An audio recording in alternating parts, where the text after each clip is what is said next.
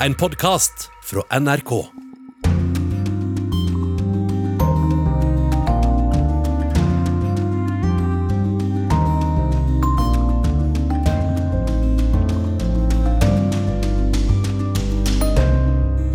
Det er ikke lett å protestere mot Ukraina-krigen i Russland.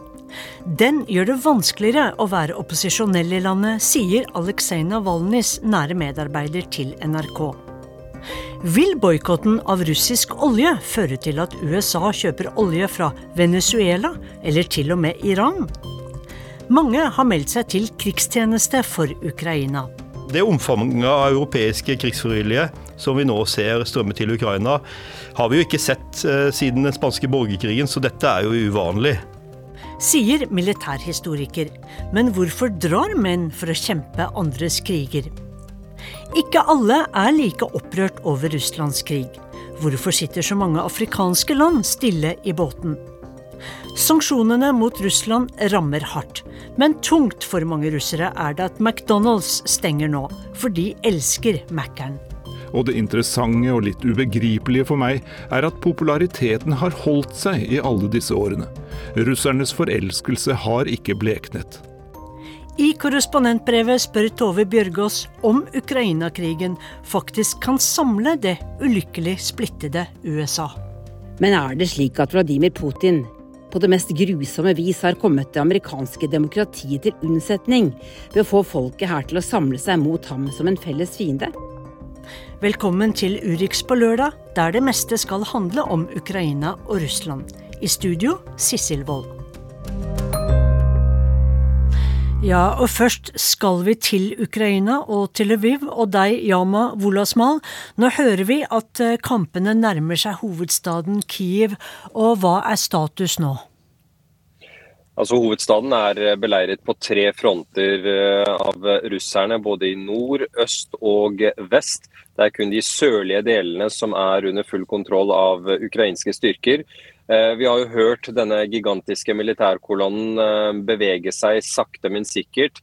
Den er fortsatt rundt 20 km eh, unna bygrensen til hovedstaden. Men den har sittet fast så lenge at, at ukrainerne har rukket å gjøre sine forberedelser på et eventuelt angrep fra russisk side på hovedstaden. Jeg snakket med ukrainske militære kilder i går her i Lviv, som sier at vi er godt forberedt på at russerne kan komme inn i hovedstaden en av de nærmeste dagene. Og da skal vi sette opp en ordentlig kamp. Vi er forberedt på hva som kan komme. Veldig viktig for ukrainernes motstandskamp og moral er jo eh, president Volodymyr Zelenskyjs eh, videoer og taler. Og han sier at han vil bli i hovedstaden uansett hva som skjer. Men om noe skulle ramme ham, ville vel kampmoralen falle? Det er det ingen tvil om. Han spiller en helt avgjørende rolle i den ukrainske motstandskampen. Han blir sett på som en landsfader, og denne tidligere skuespilleren og, og standup-komikeren spiller rollen i sitt liv akkurat nå ved å holde disse daglige pressekonferansene, ved å være aktiv i sosiale medier. Jeg ser unge ukrainere ser veldig opp til han, de spiller videoene hans med stolthet. Og han er det som holder liv, han er den som holder liv i motstandskampen. Som han på en eller annen måte blir skadet, drept eller tatt til fange, så vil det ha uten tvil katastrofale følger for den ukrainske motstandskampen. I dag så sier Ukrainas innenriksminister at han håper at den humanitære korridoren som skal sørge for evakuering fra havnebyen Mariupol, der folk lever under forferdelige forhold og full blokade, skal fungere i dag. Er det noe som tyder på at evakueringen er i gang fra Mariupol? Vi har ikke de detaljene fra bakken fra Mariupol, men det vi vet er at gang på gang har disse såkalte humanitære korridorene ut av denne beleirede byen eh, mislyktes. Det er fordi ukrainerne sier at russerne stadig eh, bryter våpenhvilen som må være på plass for å få sivile ut. Eh, Eh, FN og humanitære organisasjoner sier at rundt eh, mellom 400 og 500 000 mennesker har blitt evakuert ut av de eh, krigsrammede områdene i Ukraina. Det er mennesker som hovedsakelig er på vei vestover. Vi er i de vestlige delene. Dette er så langt fredelige steder. Og de fleste kommer til Lviv, hvor de herfra søker seg videre til den polske grensa, hvor et enormt apparat venter på dem. Du følger eh, bevegelsene på bakken videre for oss, eh, Yama Wolasmal, og vi hører til deg i flere sendinger utover dagen. Eh, tusen takk for at du var med.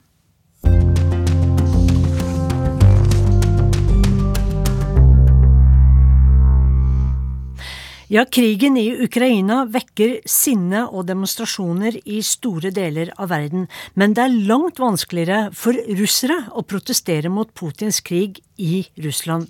Krigen har gjort det enda vanskeligere å være opposisjonell i landet. Det sier en av de nærmeste medarbeiderne til den fengslede opposisjonspolitikeren Aleksej Navalnyj til NRK.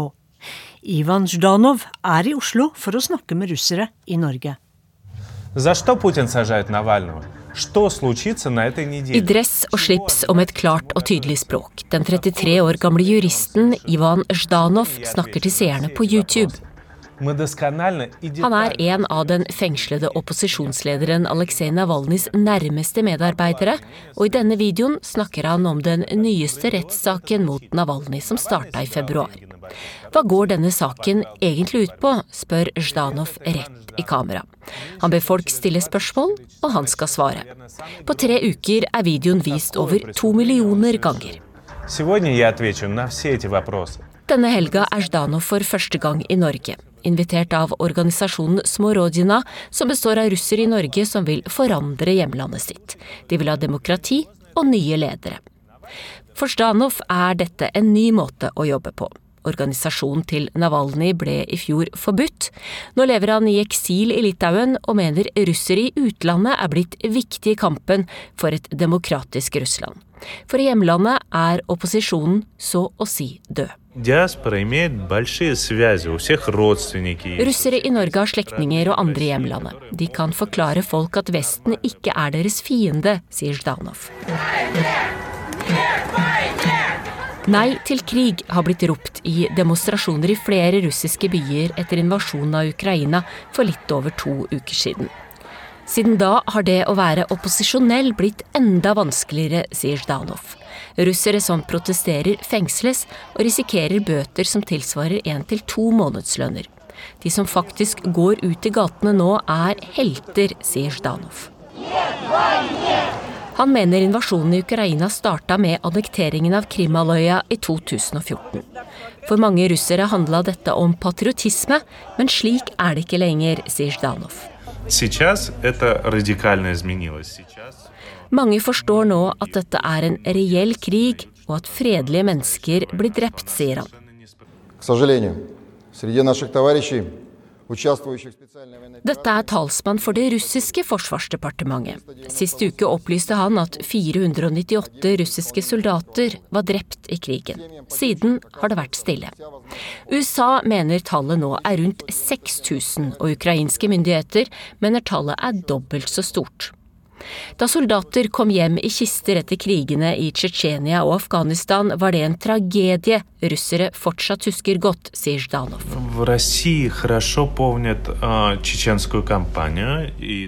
I dag vil myndighetene gjøre alt de kan for å skjule tallene, sier han.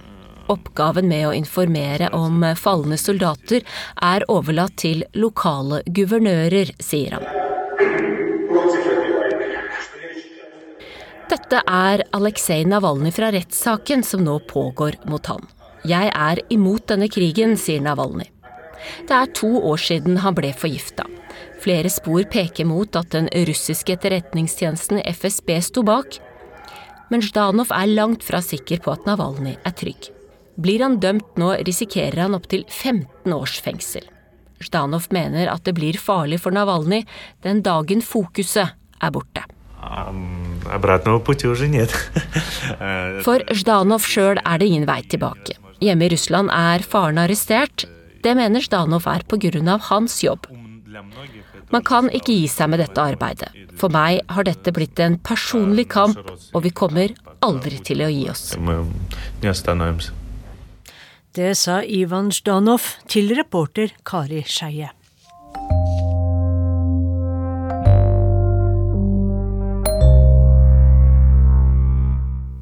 Russland straffes med koordinerte og harde sanksjoner fra Vesten for angrepet på Ukraina. Og nå stenger også den amerikanske hamburgerkjeden McDonald's sine spisesteder i Russland midlertidig. Og nettopp McDonald's har hatt en helt utrolig og spesiell suksess i Russland, forteller vår russlandskorrespondent Jan Espen Kruse. Russernes forhold til McDonald's kan beskrives som dypt inderlig og langvarig. Ja, jeg tror det er riktig å kalle det ekte kjærlighet. Og forelskelsen startet ved første blikk i 1990, eller rettere sagt da ved første bit.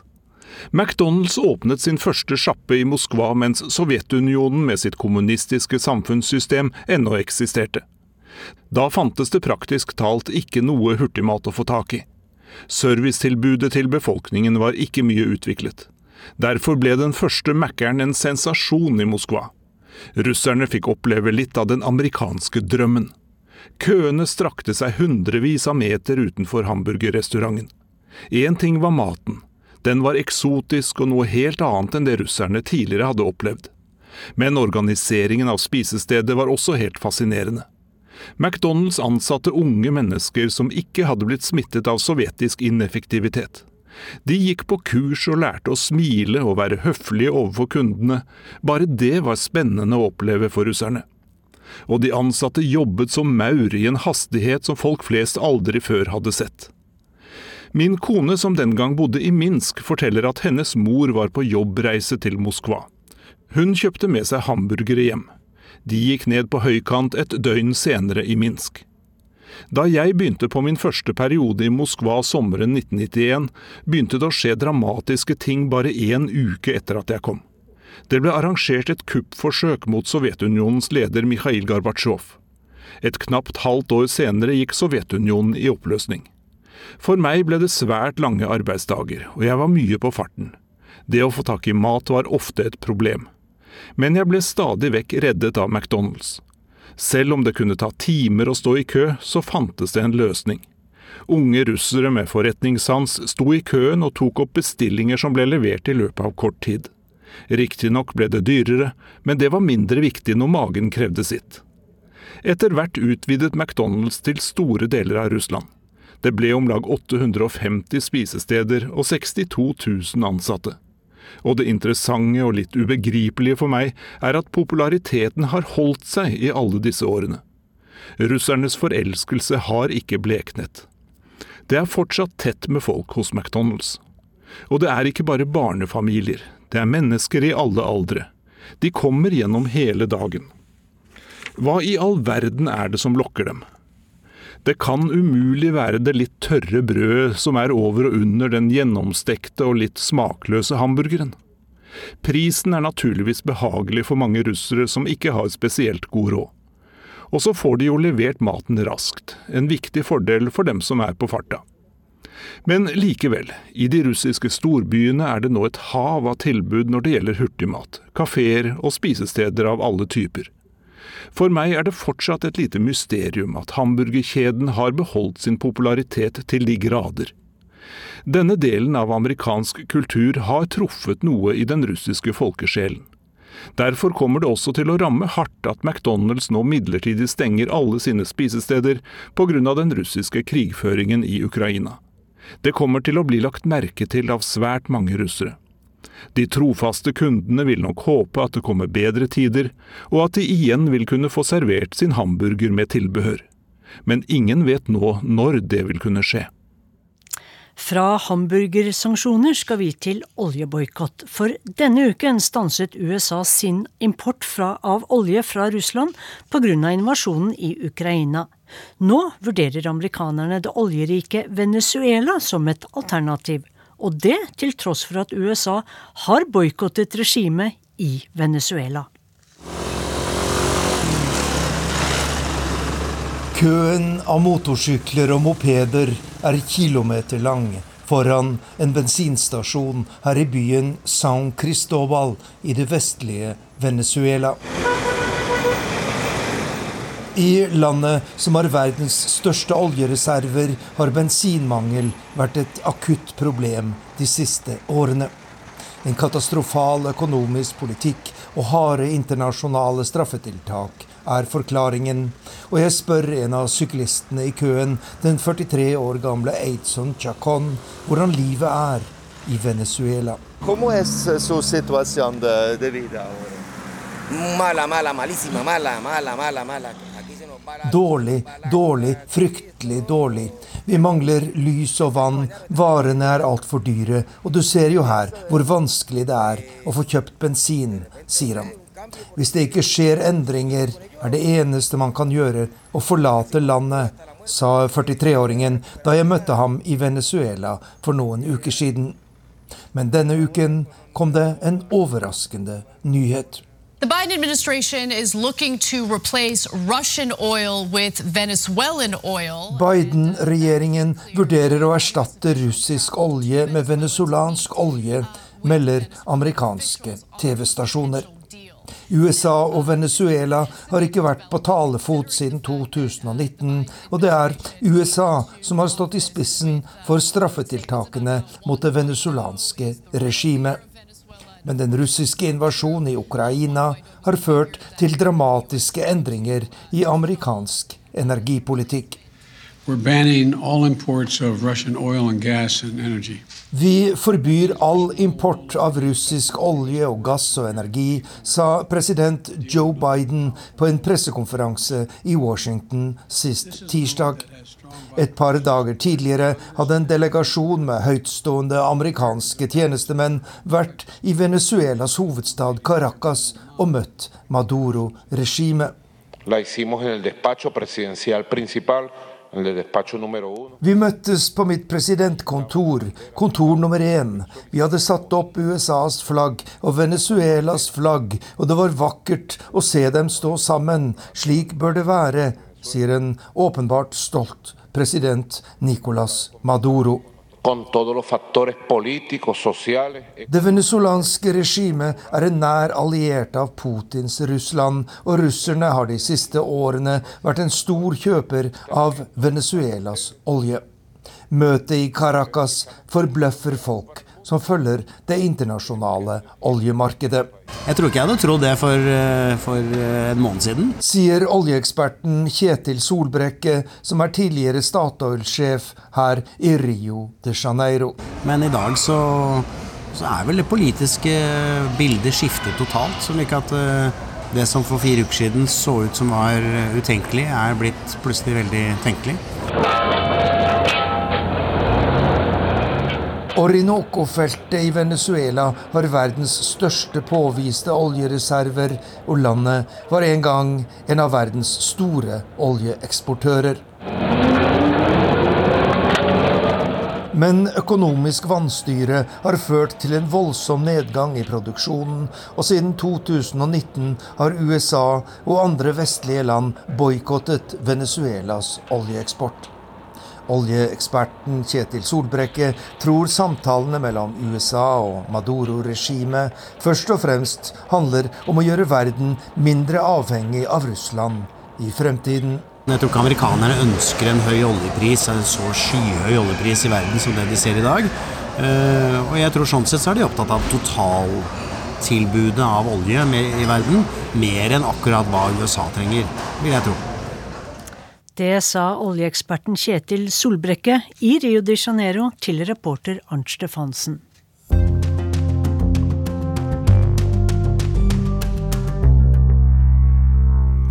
Mange steder i verden oppleves krigen i Ukraina som noe som skjer langt unna, og det påvirker også deres syn på krigen. Vi skal til Afrika, der mange land inntar en nøytral rolle til det som skjer i Ukraina. For tanken på å velge side i en stormaktskonflikt er ikke særlig fristende for flere av de afrikanske landene. Sahara-sand virvler opp rundt helikopteret som er på vei inn for landing. Og statlig malisk TV er på plass for å rapportere. Reporteren forteller at helikoptrene er kjøpt for Russland, og dermed tar Mali nok et skritt bort fra Frankrike og nærmere Russland. Og lignende scener har en sett flere steder i Afrika de siste åra. Helikopter og våpen, men også leiesoldater og militærtrening er noe av det afrikanske land kan få kjøpt for Russland. Og i et land som Mali, der en militærjunta nylig kuppa makta, så er det fint at Russland ikke stiller motkrav om at et demokrati må stables på beina igjen. Nesten samtidig i Malis naboland Burkina Faso. Også der har det skjedd et statskupp, ganske så nylig. Og ute i gatene roper folk på støtte fra Russland. Demonstrantene mener Russland kan være en god støtte i kampen mot terrorgruppene som herjer i Vest-Afrika. Og at Russland kan hjelpe Burkina Faso med å få i gang økonomien igjen. Russlands rykte er ganske bra i enkelte afrikanske land. Og for vestlige land hjelper det ikke akkurat at de til tider må kjempe mot rykter om at Vesten utnytter afrikanere og deres naturressurser til sin egen fordel. I FNs største møterom ble det tidligere denne måneden holdt mange innlegg med krass kritikk av Russland. Silence the guns now. Open the door to dialogue and diplomacy now. Russia is isolated and alone. Stop the aggression and seek diplomacy instead of war. Men da alle FN-landene til slutt skulle stemme over en resolusjon, så var det tydelig at Afrika skilte seg ut. The result of the vote is as follows.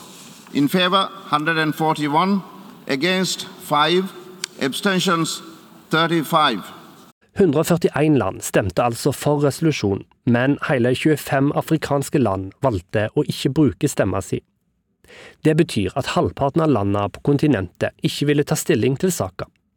Kanskje så de seg best tjent med å forsøke en nøytral linje, for de fleste av disse landene samarbeider både militært og økonomisk med Russland, slik som de allerede nevnte landene Mali og Burkina Faso, som begge unnlot å stemme i FN. Men alt handler ikke bare om militære og økonomi. Det er også mulig å forklare de afrikanske stemmene i FN ved å se på Afrikas historie. Flere land har fått viktig hjelp fra russerne, slik som i Mosambik og Angola på 70-tallet, der Sovjetunionen støtta gruppene som kjempa om uavhengighet fra Nato-landet Portugal.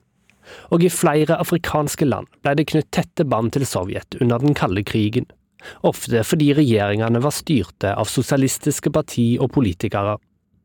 Guinea, Senegal og Kongo-Brazzaville er dømme på slike land og alle disse landene droppa å støtte resolusjonen som kritiserte Russland. Men så er jo Afrika et svært kontinent med et mangfold av meninger, og en del afrikanske diplomater har vært med på å fronte kritikken av Russland.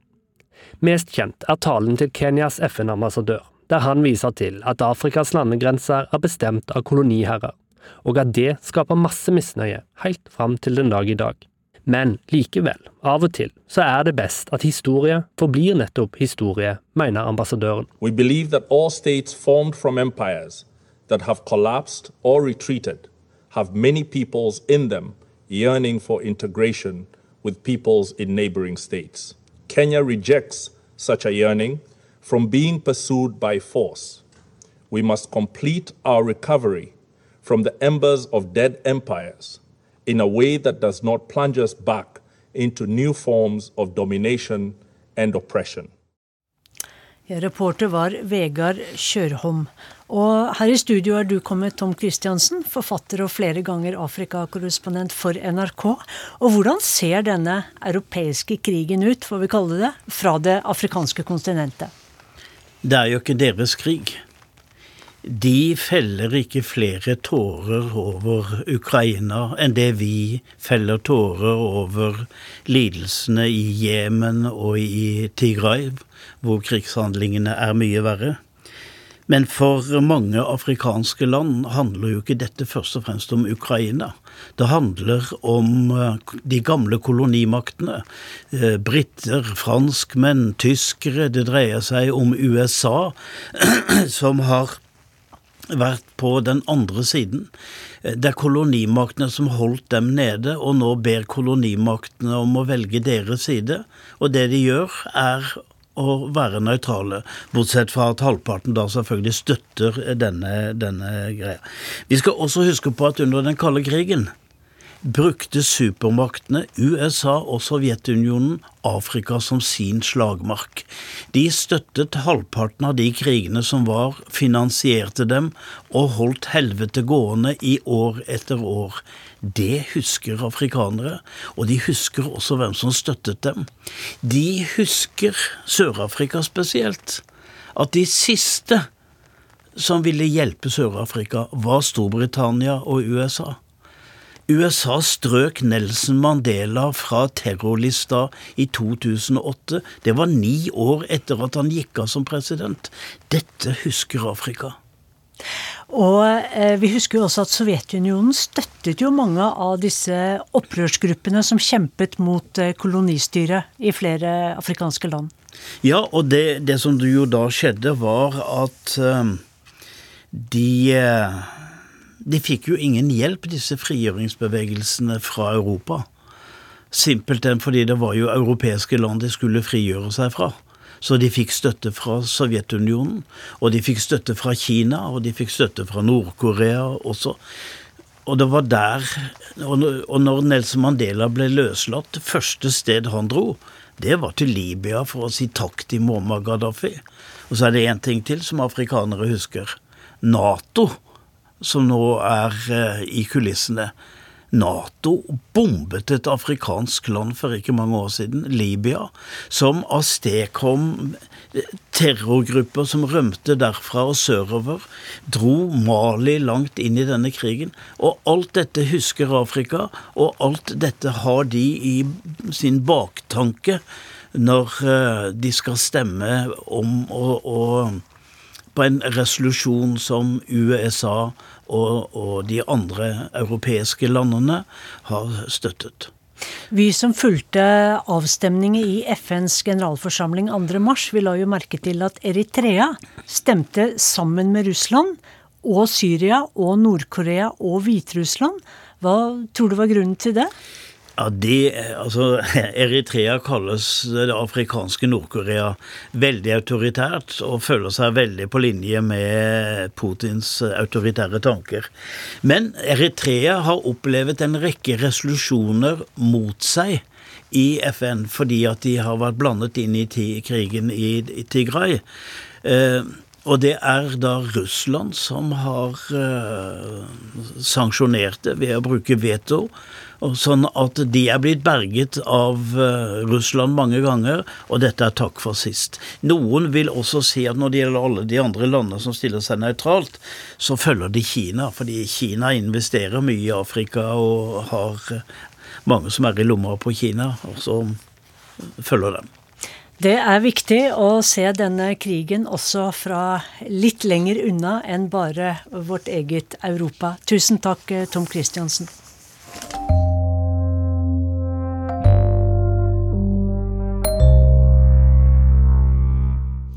Nå til forsøkene på å stable atomavtalen med Iran på beina igjen. Den kollapset som kjent da Donald Trump trakk USA ut fra denne internasjonale, internasjonale, avtalen, som jo skal sørge for at Iran ikke utvikler atomvåpen. Siden november har forhandlere sittet sammen og nå så det ut til at en ny avtale var rett rundt hjørnet. Men også dette har kjørt seg fast pga. Russland og Ukraina-krigen. Og Sverre Loddgaard, seniorforsker og tidligere direktør ved Norsk utenrikspolitisk institutt, NUPI, hva er status nå? Kjernen i avtalen er jo begrensninger på det iranske atomprogrammet, balansert opp imot uh, uh, USAs og Europas sanksjoner uh, mot, mot Iran. Og begrensningene de dreier seg da om utstyret som produserer spaltbart materiale. Eh, sentrifugene eh, de må demonteres eh, og lagres under overvåking av internasjonale inspektører. Men i dag så er jo programmet noe helt annet enn det var i 2015, da avtalen ble inngått. Så denne delen av avtalen må nok oppgraderes. Og det andre som gjelder sanksjonene, det dreier seg kanskje i første rekke, mest konkret i hvert fall, om revolusjonsgarden i Iran. Den står jo på den amerikanske terrorlista, eh, dermed også på sanksjonslista. Dette er som vi vet en viktig, ikke bare militær, men også økonomisk aktør. Så jeg tror partene kommer til å trekke tau om begge disse spørsmålene helt til eh, målsnøret. Men nå påvirker jo Ukraina-krigen innspurten i denne nye versjonen av atomavtalen. For nå har jo russerne fremsatt nye krav. Ja, de eh, krever garantier mot at eh, Ukraina-sanksjonene skal begrense deres eh, handel, eh, investeringer, militærteknologisk eh, samarbeid med, med Iran. Eh, USA vil eh, nødig være med på det, fordi at eh, hvis de gir en garanti mot dette, så gir de i praksis full frihet for Russland til å utnytte samarbeidet med Iran til å undergrave disse sanksjonene som de nettopp er påført. Kina sies å, å kreve det samme, men det er mindre pikant for, for dem. Og så kommer jo det til da, at nå fyker eh, oljeprisene, i, petroleumsprisene, i, i været. Og USA, som har et sterkt inflasjonspress allerede, frykter naturligvis at uh, bensinprisene skal bli skyhøye, hvilket er politisk alvorlig i et land hvor veldig mange mener at billig bensin er en fødselsrett. Så på begge de punktene der så griper altså Ukraina-krigen inn i forhandlingene om Iran. Og USA vurderer nå å kjøpe olje fra Venezuela, som de har boikottet, fordi at de boikotter oljen fra Russland. Kan vi se at USA banker på døren til Iran, for de trenger jo billig bensin og billig olje, olje i USA? Ja visst, ja visst gjør de vel det. Um, USA vil dempe inflasjonspresset. Iranerne vil gjerne ha olje ut på markedet naturligvis, så fort som mulig, fordi at prisene nå er veldig, veldig høye. Og naturligvis er det slik at importørlandene generelt eh, gjerne vil ha også adgang til iransk olje. Så det ligger eh, mye der. Det ligger an til dette. Men går det an å si at USAs boikott av russisk olje er godt nytt for Iran? Er vi der? Ja, på et vis eh, så er vi der. Eh, fordi at, også fordi at USA jo er interessert i å løse en del av problemene i Midtøsten, eh, slik at de skal kunne konsentrere seg om, om Russland og Kina. Det ligger noe geopolitisk viktig der. Irans president Ibrahim Raisi han har jo satt som krav at USAs president Joe Biden må garantere at USAs neste president må love å ikke ødelegge denne eh, Iran-avtalen igjen. Men han kan jo ikke få slike garantier? Nei, en administrasjon kan jo aldri garantere for, for neste. Og slik eh, forholdene er i USA nå, så er problemet ekstra stort, fordi at amerikansk politikk som kjent er så, så polarisert. Eh, så dette problemet er uløselig.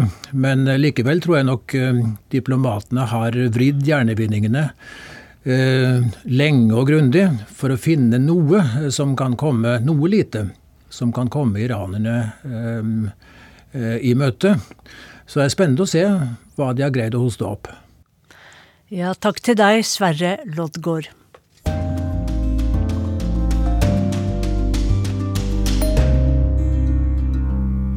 Hets, hat og trusler mot russere i utlandet har økt kraftig i takt med krigen i Ukraina. Vi skal treffe russiske Natalia Turin, som eier en russisk bokhandel i Paris. Hun er imot krigen, men får likevel ubehagelige meldinger, bl.a. på vinduet til butikken sin. Il y avait une fille qui a ouvert la boutique qui se retrouvait avec un petit tag sur la porte euh, qui disait juste euh, arrêtez la guerre. Du måste stoppa kriget i Ukraina, annars. Så hade någon skribblet på förrättningens butikvindu, säger ryska Natalia Turin som äger bokhandeln Glob nära platsen Bastiljen i Paris. Det kändes hotfullt, tycker hon. I bokhandeln säljs böcker på ryska och ukrainska.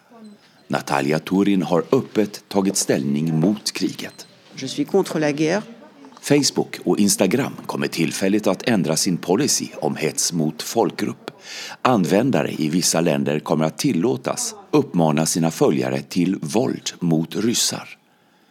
Flera franska medier tycks däremot se det som sitt ansvar att pedagogiskt informera folk om att en ryss inte tvunget stödjer kriget i Ukraina. Medierna spelar där en viktig roll, tycker bokhandelsägaren.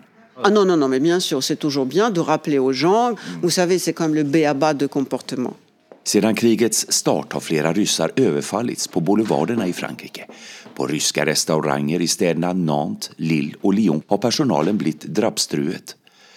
Natten slängdes en granat mot ett ryskt kulturcentra i Paris. Vem som står bakom attacken är okänt. Trusler, hat och hets mot ryssar har orsakat psykos, skriver man i medierna. C'est bon Ah oui, voici. Merci, bonne. Merci, au revoir. Plötsligt ankommer oväntat ett transportbud med cirka 3000 böcker från Ryssland. Det il doit y en avoir euh, 2-3 000 Ouais, quelque chose comme ça. Oj, vi trodde transporten aldrig skulle komma fram på grund av kriget, utropar Alexander, en av de anställda, och skär bort plasten runt kartongerna. Frankrike är ett av de länder som har flest ryssar i Europa. Den ryska migrationen startade i och med revolutionen 1917. Ofta var det adel och överklassfolk som flyktet från Ryssland. Det tog vägen via Konstantinopel, dagens Istanbul, för att nå Paris.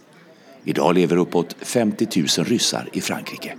Vissa har flyttat hit för att undslippa Vladimir Putins makt. Frankrikes president Emmanuel Macron kallade i slutet av veckan EU-ländernas stats och regeringschefer till ett toppmöte i Solkungens slott Versailles. Häromåret bjöd dock Macron med pomp och prakt in den ryske presidenten i slottet, vilket orsakade stora protester.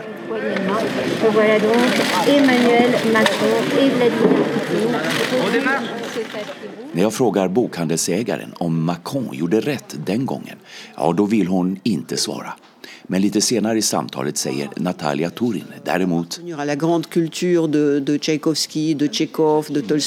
Vårt fantastiska kulturarv med kompositörer och författare som Tchaikovsky, Tjechov och Tolstoj har gjort ryssar lite överlägna.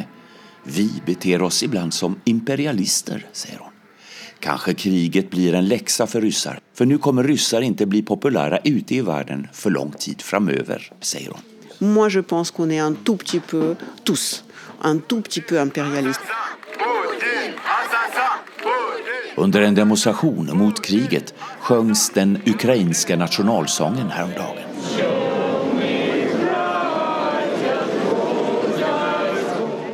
årige ukrainaren Roman jobbar inom byggbranschen. Om kvällen hjälper han till med insamling av mat och medicin i en lokal nära Östra stationen, Gare de l'Est i Paris. A lot of people try to, to beat them. For me, it's not important, I think. Roman har givetvis hört talas om det ökade våldet mot ryssar i Frankrike. Men det är ändå småting i det förfärdelige som utspelar sig i krigets Ukraina. Viktigast nu är att stoppa Putin, säger han. How to stop Putin?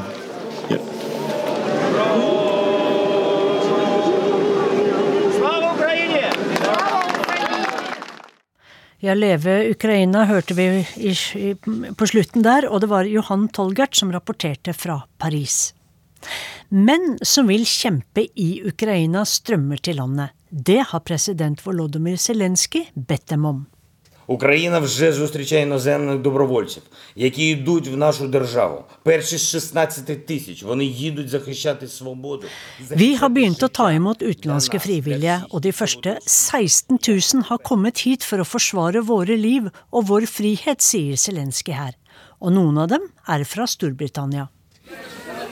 To av de frivillige som ankom togstasjonen i Kyiv denne uken, var britiske Ben og Jax. I'm from the UK, Area. Jeg er fra Manchester, sier Jax.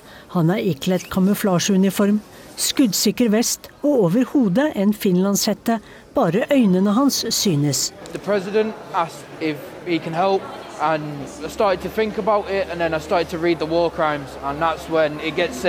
Presidenten ba oss om å hjelpe. Jeg leste om krigsforbrytelsene og ble opprørt og bestemte meg for å dra, sier han til Reuters. Men familien er ikke begeistret. Men de er stolte av meg, sier han. Ben Grant er også iført helproff militæruniform. I was over in Iraq there for a few months and then flew home, saw my, my missing kids, hadn't seen them for a while and basically said, yeah, I'm, I'm going to Ukraine. So big shock. Jeg var på oppdrag i Irak, fløy hjem for å treffe kona og barna. Men så bestemte jeg meg for å dra hit til Ukraina. Det var selvsagt et sjokk for familien. Upset, but um. Men de trenger meg mer her nå, sier Grant til Reuters. Men hvorfor reiser de ut for å risikere livet sitt for et annet land enn sitt eget? Knut Flovik Thoresen er historiker og forfatter av en rekke bøker om nordmenn som har kjempet andre krig, andres kriger. Og han kjenner også folk som har dratt til Ukraina nå. Og hvorfor drar de? Altså, Jeg kjenner flere som har reist ut for å kjempe i flere kriger på vegne av eh, andre enn den norske staten, ikke bare i Ukraina. Så eh, dette her er jo ikke noe nytt fenomen. Men eh, uten at jeg har forska spesielt på disse som har reist til Ukraina, så vil nok de fleste som reiser ned nå, være motivert av det de leser i norske medier om krigen. Og de ser vel på dette som å kjempe den gode sak. Ehm, det omfanget av europeiske krigsfrivillige som vi nå ser strømme til Ukraina, har vi jo ikke sett eh, siden den spanske borgerkrigen, så dette er jo uvanlig. Du sier at eh, de som verver seg eller drar ut for å kjempe andres kriger, kan deles inn i tre grupper? Jeg har valgt å gjøre det. Jeg snakker om eh, nordmenn som tjenestegjør i regulære utenlandske hærer eller militærvesener, som f.eks. den franske fremmedlegionen, den amerikanske hæren osv. Og så er det denne kategorien norske krigsfrivillige, nordmenn som reiser ut for å slåss i en krig eller for en eller annen eh, gruppering som ikke får betalt eller er motivert av eh, økonomi. Og så er det den siste grupperinga, som er den minste kanskje, som er leiesoldater og kontraktører. Vi vet at det var rundt 200 nordmenn som reiste til Spania for å kjempe i den spanske borgerkrigen da mot, eh, mot nasjonalistene, fascistene, mot Francos hær eh, på 1930-tallet. Men de var vel mest ideologiske. De var eh, fra arbeiderbevegelsen, og det var vel norske kommunister, så de var mer idealistiske? Ja, svært mange av de som eh, dro til Spania var jo motivert eh, av politiske Eh, grunner. Eh, det var jo ikke bare nordmenn på, som sloss mot Franco, det var jo også noen som sloss eh, for Franco. Men disse var også politisk motiverte. Og vet du om norske menn har vært i trefninger mot hverandre? Ja, på vestfronten under første verdenskrig. Under den spanske borgerkrigen i hvert fall. Eh, også under andre verdenskrig, faktisk på vestfronten, har jeg funnet et eh, tilfelle hvor det var to nordmenn i nærkamp eh, mot hverandre, og den ene mista livet. Knut Flovik Thoresen, du har selv vært i Libanon og på Balkan og i Afghanistan. Hva var det som trakk deg ut? Altså For meg så var jo dette et naturlig valg. Jeg har jo vært yrkesmilitær i Norge, og jeg så på dette som den ytterste konsekvensen av det yrkesvalget jeg tok. Men så jeg var nok veldig eh, motivert av eh, det militærfaglige, men selvfølgelig også økonomi og eventyrlyst og spenning. Såpass ærlig tror jeg jeg skal være. Vi tenker jo ofte på de som drar ut som, eh, som, unge menn, som vil ha spenning, adrenalin, dette brorskapet du har med andre soldater, som er helt unikt. Men de som drar til Ukraina nå, det er jo virkelig, virkelig livsfarlig. Og du skal ha en sterk overbevisning for å dra det, og her tjener du ikke noe penger heller? Nei, eh, og dette er jo litt spesielle og litt vanskelig å forklare, denne dragningen mot det å eh, delta i eh, krig. Selvfølgelig så er det jo de som er veldig ideologisk motiverte og gjør det av den grunnen. Men man risikerer jo ytterste konsekvens å miste livet for et land som egentlig ikke er ditt eget. Så man bør jo ha en eh, god motivasjon. Og eh, jeg tror man kanskje kan sammenligne det litt med ekstremsport. At man får et uh, lite kick av det, rett og slett. Um, kanskje det blir riktig å si. Men så har man jo vist, altså forskning har jo vist at f.eks. som dro ned for å slåss for IS, dette var jo gjerne folk som hadde spilt fallitt i det norske samfunnet, gjerne i skolesystemet, gjerne kombinert med en tidligere kriminell bakgrunn eller rus osv. Ja, for det er forbudt uh, å kjempe for IS, men er det lovlig å kjempe på ukrainsk side? Ja, det er det faktisk. IS eh, og andre grupperinger, også opprørsgrupperinger, blir Man kan risikere å bli straffeforfulgt når man kommer hjem til Norge. Mens det å tjenestegjøre i en regulær armé eller for en legitim stat, som jo da Ukraina er, så rammes ikke disse av lovverket. Så de jeg kjenner da, som har reist ut eller er på vei ned, har jo militær erfaring. Men jeg ser jo det at det er folk som ikke ikke har noe eh, militær erfaring også, som er i ferd med å reise fra Norge eller har reist ned. Og eh, jeg vil nok anbefale de som mangler fullstendig militær erfaring, kanskje heller å eh, søke seg til noe humanitært arbeid eller noe sånne ting. Fordi krig er jo, det er jo farlig. Men vi må vel si at mange kommer tilbake med traumer og sår på sjelen også?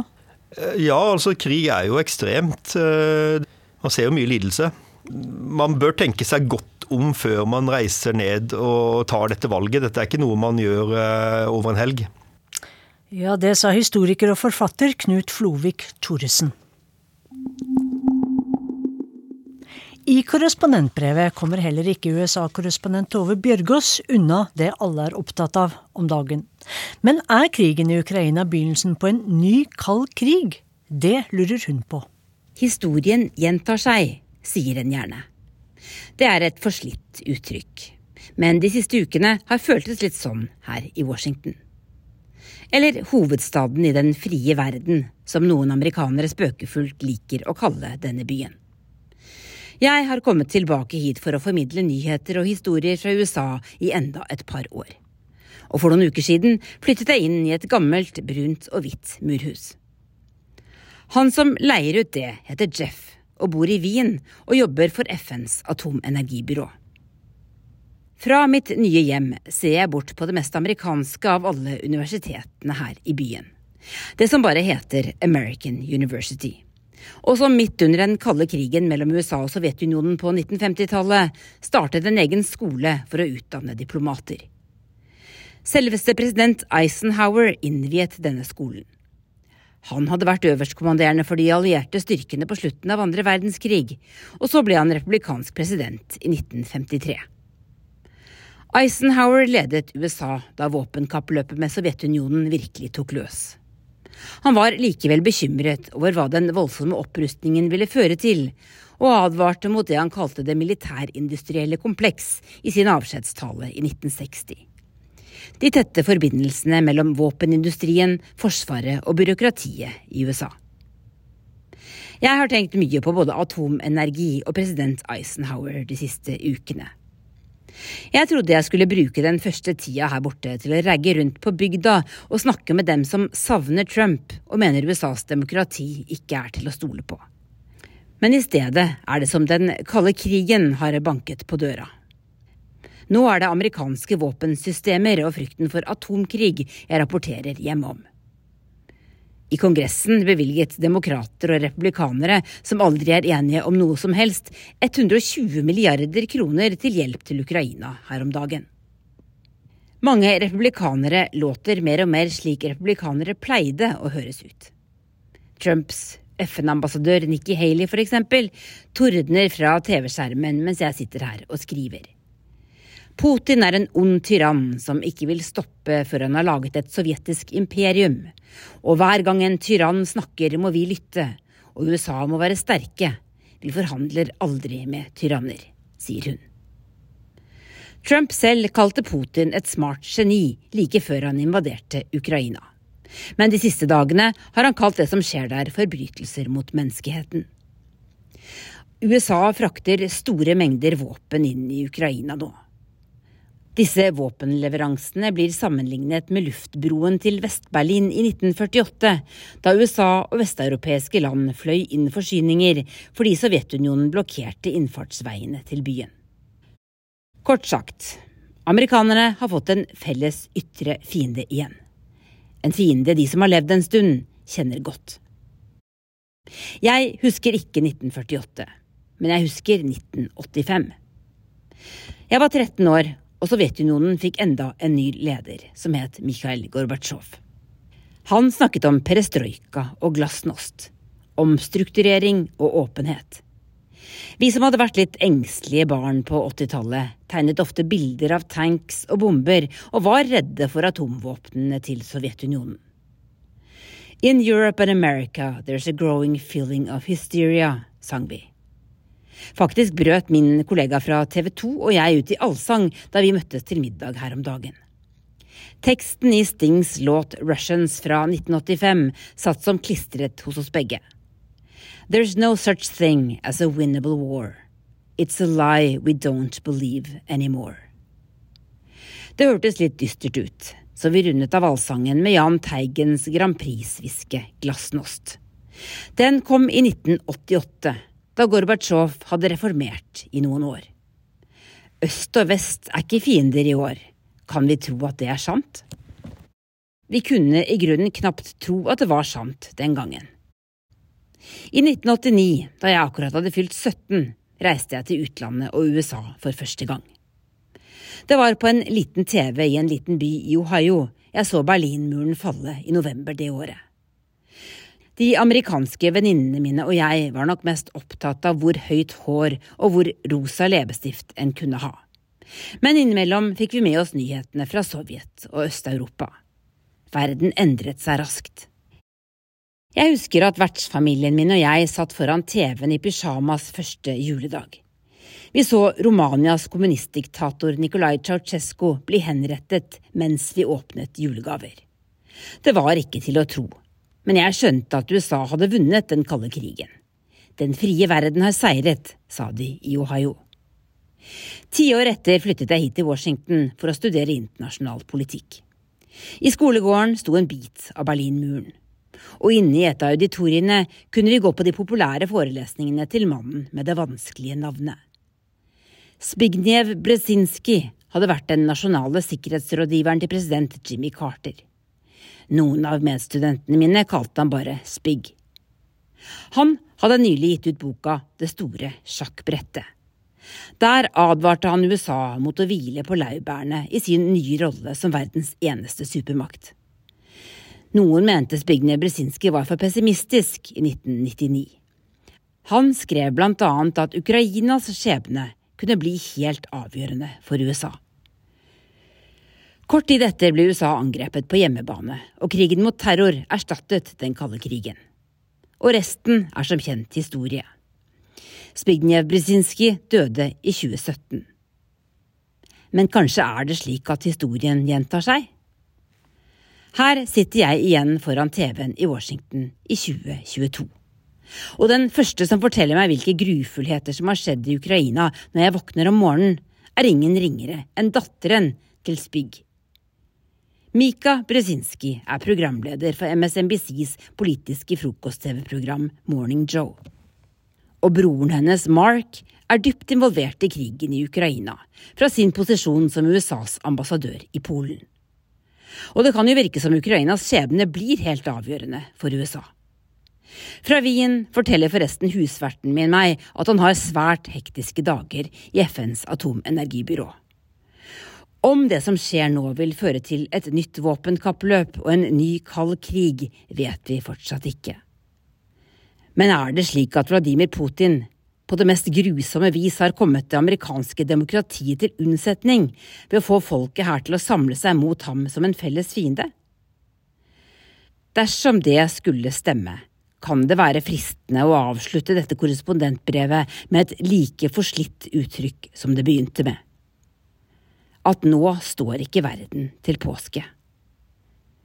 Men det føles bare helt feil i disse dramatiske dagene. Vi nærmer oss eh, slutten av denne Urix på lørdag-sendingen, som har handlet om krigen i Ukraina sett fra litt andre ståsteder. Men kollega Anders Tvegård, du følger utviklingen i Ukraina fra time til time, og hva er siste nytt nå? Den eh, russiske militæroffensiven har blitt eh, bredere, virker det som, med angrep eh, flere steder i Ukraina. Flyalarmen har gått i et titalls regioner. Og i morgentimene så er militærinstallasjoner og en flyplass utenfor Kyiv f.eks. blitt ødelagt i angrep. Militærkolonnen utenfor Kyiv har begynt å spre seg vestover og sørover, og en britisk tenketank for forsvarsspørsmål mener at det tyder på at Kyiv skal avskjæres fra omverdenen før en eventuell eh, angrep på selve hovedstaden. Eh, bomber skal også ha truffet eh, moskeen i den beleirede byen Mariupol ved Azovhavet. Det er Utenriksdepartementet i Ukraina som hevder dette, og sier at 80 barn og voksne hadde søkt tilflukt i moskeen. Men de har ingen opplysninger om skadde eller omfanget ellers, og det er heller ikke bekreftet fra uavhengige kilder. Det er samtidig evakuering på gang flere steder i dag. 79 busser og nødhjelp f.eks. er sendt til Sumi øst for Kyiv, mens eh, guvernørene i eh, to regioner har i separate uttalelser eh, nå i formiddag sagt at kampene pågår selv rundt den humanitære korridoren. Situasjonen er komplisert, sier guvernøren i Donetsk, som leder evakueringen fra Mariupol. Og evakueringen av sivile fra krigsområdet det har jo vært stanset flere ganger tidligere fordi våpenhvilen er brutt. Bombardementet og krigen har hittil sendt 2,5 millioner ukrainere på flukt fra eget land. Rundt 100 000 har rømt til Russland og Hviterussland, mens resten har dratt vestover til Europa. Ja, takk for den uh, oppdateringen, Anders Tvegård. Du uh, er med i timesendingene på uh, radio og TV utover dagen. Urix på lørdag takker for seg. I teknikken satt Bobo Bjørnskjold. Produsent var Marit Selmer Nederlid. I studio Sissel Wold, og vi ønsker alle en god helg.